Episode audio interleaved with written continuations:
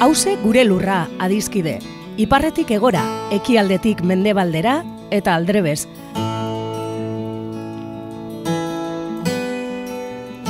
Lurra bakarra dugu edo gaituen lur bakarra da hause.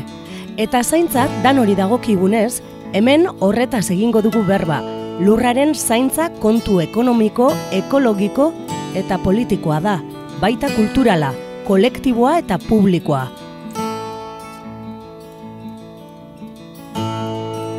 Ekopol taldeko Iñaki Bartenak eta Josu Larrinagak hause gure lurraren zaintzak dituen ataka eta kontu importantei buruz hitz egingo digute. Lurrosoaren erasoak ezin garaitu zezakeen hiri bat ikusi nuen ametxetan. Kaixo lagunok, berriz ere hause gure lurran irratzaio ekologiko ekologistan. E, gaur e, berriro ere gurekin e, Ekopol e, ikertaldeko kidea eta unibertsitateko irakaslea den e, Josu Larrenaga. Josu, zelan, e, zelan gabi, zer, zer, zer e, ekarriko diguzu gaurko programarako? Bueno, Iñaki, ba, ondo gabiltza eta e, komikilari bat ekarri dut berriz ere, uste dut beste inoiz hitz egin dugu ja berari buruz, Jo Usako, e, Paramerikarra, bera, bera kazetaritza egiten du komikien bidez, sakoneko kazetaritza esan behar da, hori Palestina, e, e, Gorazde, Jugoslaviako gerran, alako album pilo bat atera du oso oso beti sakonak eta bertako jendeak e, hitz egiten duela bere marrazkien bidez, ezta? Eta azkena publikatu duena e, ingelesez deitzen da Pagin de Arts, e, gazteleazko e, gazteleazko itzulpenean irakurri duenik e, un tributo a la tierra eta bertan jousako badoa Kanadako ipar e, mendebaldera, ezta? Ipar mendebaldeko lurraldea deitzen den e, horretara hor dago Mackenzie izeneko ibai oso oso luze bat, e, mila eta piko kilometro dauka, ezta? baina bere arro osoa zera, e, altura hondiko laku batzuetan dauka sorburua eta laku horiek kontutan harturik eta lau mila eta piko kilometro dauka Mackenzie ibaiak e, ustut, e, Ipar Amerikako bigarren luzea da Mississippi Missouri sistemaren ondotik eta ozeano artikora isurtzen du, ezta? E, hau da, oso oso iparrean dago eta e, mendebaldean. E, bere arroan dago hori nola administratiboki gaur egune hori e, ipar mendebaldeko lurraldea deitzen den e, provintzia edo lurraldea eta baita Alberta provintziako e, zati bat. Eta bertako indigenak, e, bueno, orteibu edo etnia asko dago, baina dene hizkuntza e, hitz egiten dute gehienek, ezta? Oso leku bitxia da, albidez hor, e, neguan, errepideak dituzte, izotzezko errepideak, baina udanez, e, urtu egiten danean, e, oso lur e, zingiratsuak edo padurak eta dira, eta orduan, ba, udan e, e, avioneta zibili garraiatu behar dira bertatik, ezta? E, neguan berriz, hori kotxez edo kamioiez joan daitezke, e, zeraren, zeraren bidez, e, e, errepide, baina izotzezko errepideak prestatzen dituztela. Jende gutxi bizi da, gehienak indigenak dira, guzti hori kontatzen du jousako, ez da, azten da kontatzen e, basar batzuk nola, nola bizi ziren kontatzen dut, ez da, ba, bizi modu erdi nomada zeukaten, e, basoan e, sartuta, kanoak egiten, eta bueno, eizan, eta bilketan, e, eta bar, eta bar, ez da. E, gero, azten da kontatzen, ba, bueno, nola llegatu zen zibilizazioa, nik e, komikia irakurrita eukidut horren berri, naiz eta gero, orain dela gutxi atera da periodikoetan, ez da, e, momentu batean, ja hogei garren mendean, e, Kanadako estatu txit demokratikoa eta txit e, e, kultura nitza, e, erabaki zuen indigenak integratzeko e, bideriko berena zela e, barnetegietara eramatea Kanadar kultura, claro, kultura europarra azkenean, ba, Kanadar kulturan e, barneratzeko, ez da? E, claro, hor kontatzen dute komikian, e, persona horiek zelan e, avioneta altzen zanean, e, izkutatzen ziren basoan, eizatu egiten zituzten, ezta? Eta gero, ba, hor barnetegi horietan, ba, sekulako, zera, ba, denetarik pairatu behar izan zuten, ezta? Barnetegi normaletan, demagun, abade eta e, alakoen e, zeratan pairatzen dena, baina biderkatuta ez da, orain dela gutxi atera da prensan, alako edifizio zar batean topatu dituztela eundaka gorpu, edo eundaka gorpuen e, gorpuzkinak edo e, ondarrak, ez da. E, asko desagertu ziren, eta bueltatu ziren asko eta asko, ba, alkoholismoan eta autoestima erabateko faltan eta horrela bizi izan dira, ezta? Eta pizkanaka, pizkanaka, ba indigena horiek hasi dira berriro euren kultura berpisten, asko eta asko sartzen ari dira berriro basora eta lengo bizimodua egin nahi dute, euren esperialtasuna berreskuratzen, baina lurralde horietan ere, lurralde horiek oso aberatsak dira, petrolioan, e, diamantetan, ba, petrolio alde batetik, e, petrolioa ondar bituminosak deitzen diren e, forman agertzen da, ez da, e, petrolioak blaitzen ditu ondar ondar batzuk, area batzuk, horregatik deitzen dira ondar bituminosoak, hemen petronorrek lan egiten du petrolio horrekin, klaro, bertan e, ondar horiek, e, are horiek dauden lekuetan, lehenengo birfindegi bat egin behar da, oso oso kutsakorra dena, eta gero, pues, petronor bezalako birfindegietan e, bukatzen dute prozesua, ezta? Frakin bidez ere, e, hor, badago, badaude frakin esplotazioa gaur egun, eta frakin bidez ere atera nahi dute petrolioa. Eta jo usako kontatzen du hor ba zenolako ba, kontraesanak eta dituzte indigenak euren artean. Ez da batzuk guzti hori ukatu nahi dute lehengo bizimodu tradizionala egin nahi dute baina beste batzuk ba, modernotasuna ere bezarkatu nahi dute eta esaten dute lider batzuk eta jake hortik azkenean aberaztasuna sortuko da ba guk aprobetsa dezagun ez da, e, ba, nola bait, e, indigenon kontrolpeako esplotakuntza egin dezagun eta gure komunitateak e, garatzeko balio dezala horrek esaten dute, ez da, eta jousako, ba, hori bere kasetari, kasetari begiradarekin, ba, hori izlatzen du, ez da, dauden kontraesanak, dauden e, debateak eta euren artean ere, ba, dituzten e, tirabirak eta bar, ez da, eta bueno, pues horrela ikusten duzu beste hori munduko bazter bat e, e, gaur egungo munduan dauden kontrazen guztiek arrakalatuta, zeharkatuta, ezta. Eta bueno, irratza joa egorra batzen ari gara e, 2008 bateko guztailan, San Ferminetan, eta justu egun hauetan, e, horra hain apartatuta dauden lurralde horiek, e, ba, periodiko guztietan egon dira azken egunotan, zergatik eta sekulako bero uoldea bizi izan dute, ezta? E, berrogeta mar gradu gaineko temperaturak izan dituzte eguna askotan hor e, gure antzera edo dino, gure Euskal Herriko udaren antzera edo inkluso bajuago udan ba, ba, hogei gradutara ere ez dira heltzen askotan e, bertan e, temperaturak ez da oso oso iparrean e, daude lurralde horiek, baina orain ba hori sekulako e, bero goldea jasan dute, e, claro, hor oso leku gutxitan dago aire girotua eta lako gauzak beharrezkoak ez direlako, baina temperatura horietan nolabait e, bizitzeko edo aguantatzeko ere behar diralako trabankuloak besterik ezean, baso zera, baso itxi baten e, faltan edo, ez da?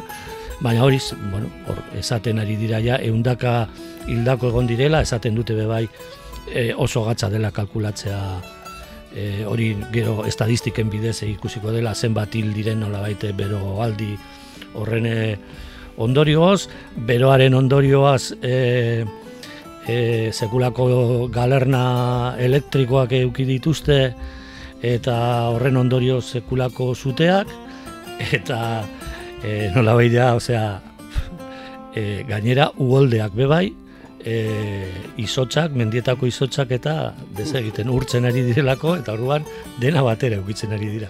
Ugoldeak, beroaldia, zuteak, eta garo, hor zeukaten debate hori ba areagotu egin da, ezta? Eurentzako frakina eta e, ondar bituminosoak eta petrolioa eta bar, bueno, ba ziren ere kontrasankorrak, baina segurazki ez zuten espero ere nolabait aldaketa klimatikoaren e, ondorio latzenak sufritzea non eta lurralde horretan, ez da? Ez da bat ere esperogarria e, halako zeak gertatzea non eta iparmendebaldeko lurraldetan e, Kanada eta bueno, estatu batuetako iparmendebaldean ere gertatu da hori, ez da? Kurioso da, espaldi honetan estatu batuetako ere e, mendebaldeko kostaldean zuten kontua eta ere Oregon, Portland, Kalifornian sekulako triskantza gertatzen ari dira, ezta?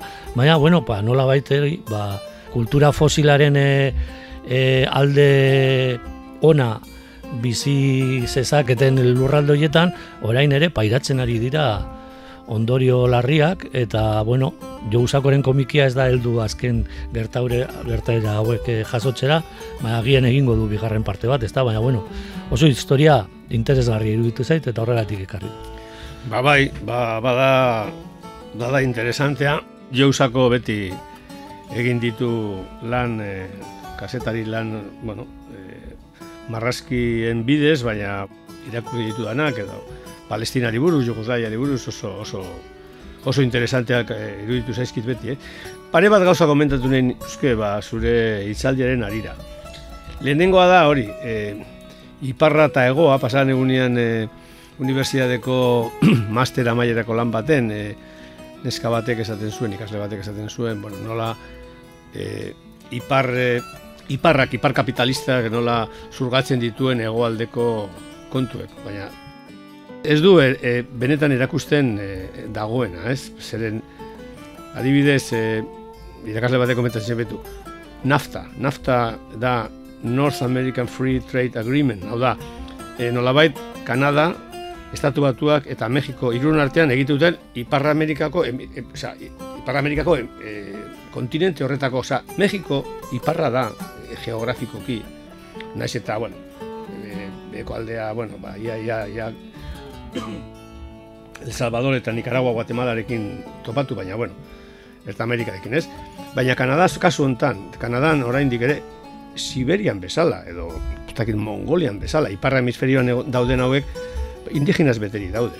Eta gaur egun, e, mendebaldeko mundu aurreratu eta eta kosmopolita eta globalizatu honek talka egiten du e, bueno, indigenekin, ez? Nolabait, beste, beste bizitza modu bat E, eta hori ez da gertatzen bakarrik Ekuadorren, e, indigenekin. E, gertatzen da, esaten dut, ipar hemisferioan eta ego hemisferioan, mundu osoan gertatzen da. Hori da, lehenengo, bigarrena da, karo, indigena hauek, ba, modernizazio eta globalizazio eta aurrerakundea euren atera, euren bizi lekuetara llegatzen denean, ba, normala denez, ba, bitan banatzen dira. Batzuk, esate dute, ez hau ez da gurea, honek ez du ekartzen guretzako e, bizitza kalitaterik, bide honetatik pikutara goaz, eta beste batzuk ez dut, bueno, bueno, igual, mende baldarrak bezala biziko bagina, ba, igual, e, zeo zer hobeto arterako genduke, ez? Farmazietatik, edo telebistak, edo kotxeak, edo egazkinak, edo... Orduan hor dago eztabaida hori, eta eztabaida horiek nolabait komunidade indigena gehienetan ematen da. Eta batzutan, mendebaldeko enpresek eta mendebaldeko gobernuek, mendebaldeko bankuek, erosi egiten dituzte liderrak, nolabait euren aldeko proiektuak eh, edo proiektuen alde agertzeko, ez? Eta hori, zu gaipatu duzu Alberta, Albertako petroleoa ba, gaur egun muskizen e, ba, birfindu egiten da, hm? eta horrelako ikusten dugu nolabait e, mundua adibidez energetikoki guztiz globalizatuta dagola, eta, eta bueno, ba, nolabait e, muskizen, orain, eh, dela gutxi muskizeko langileak, resoleko langileak, e, bueno, erte badela eta aztak izer, greban egon dira, eta egon dira izkanbilak, baina langile horiek e, lan egiten dute produktu energetiko batekin, beste punta batetik, e, kanadatik datorrena, e, sortzi mila, mar mila, e, ama mila kilometro egin da gero, baina nolabait kate energetiko berdinen dela, ez, orduan, e, bueno, esker, eskertzekoa da, ez? E, jo esako egiten duen esfortzu hori nolabait ikusteko, ba hori, petroleoa edo energia edo egazkinak edo errepideak ez datozela zerutik, ez? E, guk egindako kontu batzuk dira eta orduan ba, laburtzearen, iparra eta egoa, ba, ez dira indiferenteak, hm? eta nolabait e, gure lanpostuetarako edo gure lanpostu industrialak aurrera teatzeko batzutan ba, izorratu behar ditugu ba, beste munduko puntan bizi diren batzuen, gutxi batzuen edo askoren e, bizi modua, ez? Orduan, hori da nolabait gure programa hontan e, bueno, e, ditugun keskak, ez? Nola, nola ekin, nola ipini mai gainean e, e, gauza hauek, hain, hain e, ematen dute, hain diferenteak eta hain distanteak eta hain e, e, munduko bi mutur de, oso diferenteak direla, baina nire ustez, hori da nik uste dutena, ba ez dira, ez dira hain apartekoak, ez dira hain diferenteak eta kate berean agertzen dira biak, nire ustez. Bai, bai, hori da, ez da, orain dela Horren dela gutxi, ere, hori, e, Kanadako hori beroaldia dela eta e, irakurri nion e, iritsi egile bati.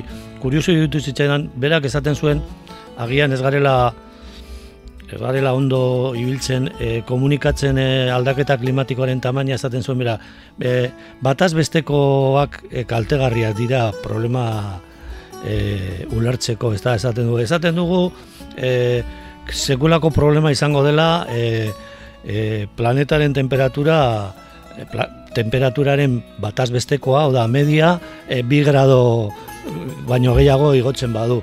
Eta jendea, pues karo, entzuten du bi gradu, eta zeten du, ba, bi gradu gora, bi gradu bera, ba, karo, bataz bestekoa ezari gara, oda, bataz bestekoa bi gradu igotzeko, ba, lako episodioak, e, berrogeta mar gradukoak, edo berrogeta mar graduktik gaindi, daudenak e, gertatu behar dira maiz.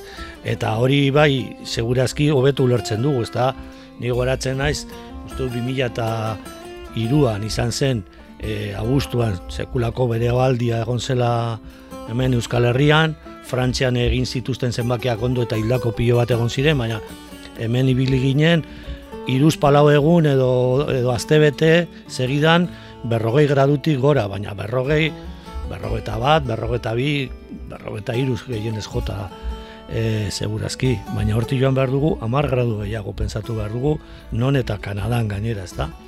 Osea, oitura ere dino eta alako temperaturak aguantatzeko. Alako prozesoetan eta alako egoeratan pensatu behar dugu, eta hori oso oso zaila da, ez da? Eta beste zuk aipatzen duzune katea, ba, asko zaze zailagoa dare pensatzeko, hau da, ikusi aletiren e, elastikoa, Petronorren propagandarekin eta guzti horretan e, pensatu, ez da. Horain dela gutxi, inaki, e, hori, ekopolen, e, gure taldean antolatutako jardunaldi batean, bueno, egon zen Petronorreko ordezkari bat, sekulako gero ba, sustengarria eta, bueno, nola bai, demostratzen, pila jarrita dituztela eta eurek ere ikusi dutela petroleoaren negozioarekin e, bukatu egin dutela, beste beste alternativa batzuk behar dituztela eta claro, noski alternativa desarrollista eta alternativa sasi faltsuak hidrogenoaren bidez hori garatu nahi dute, ezta?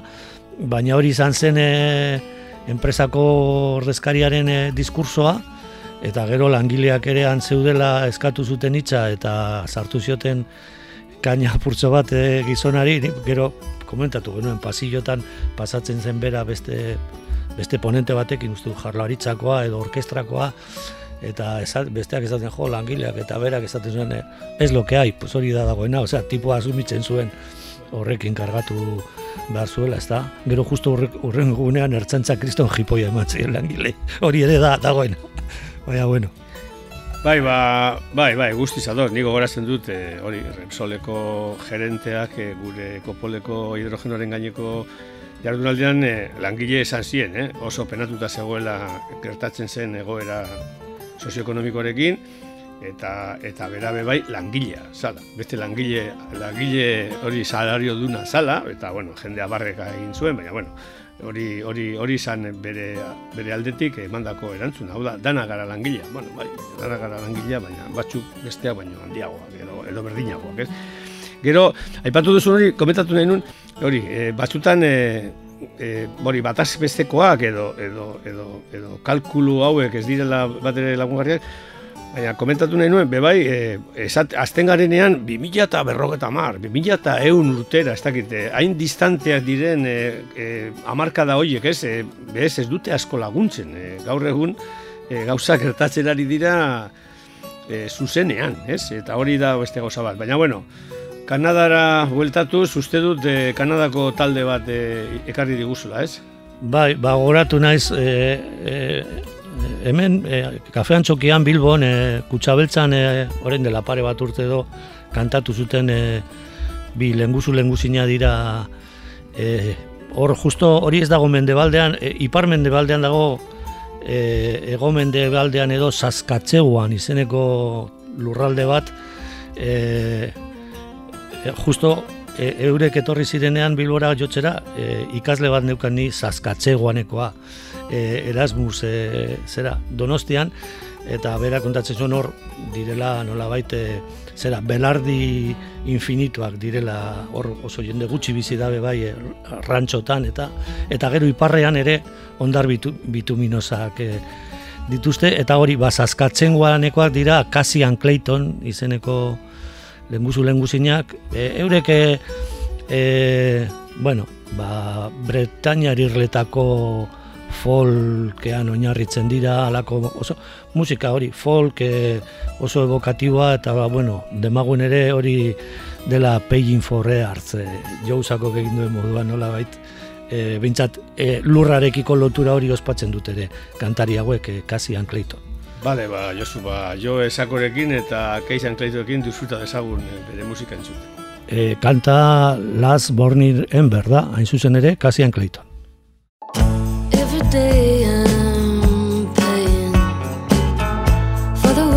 I keep from saying. I pray that we can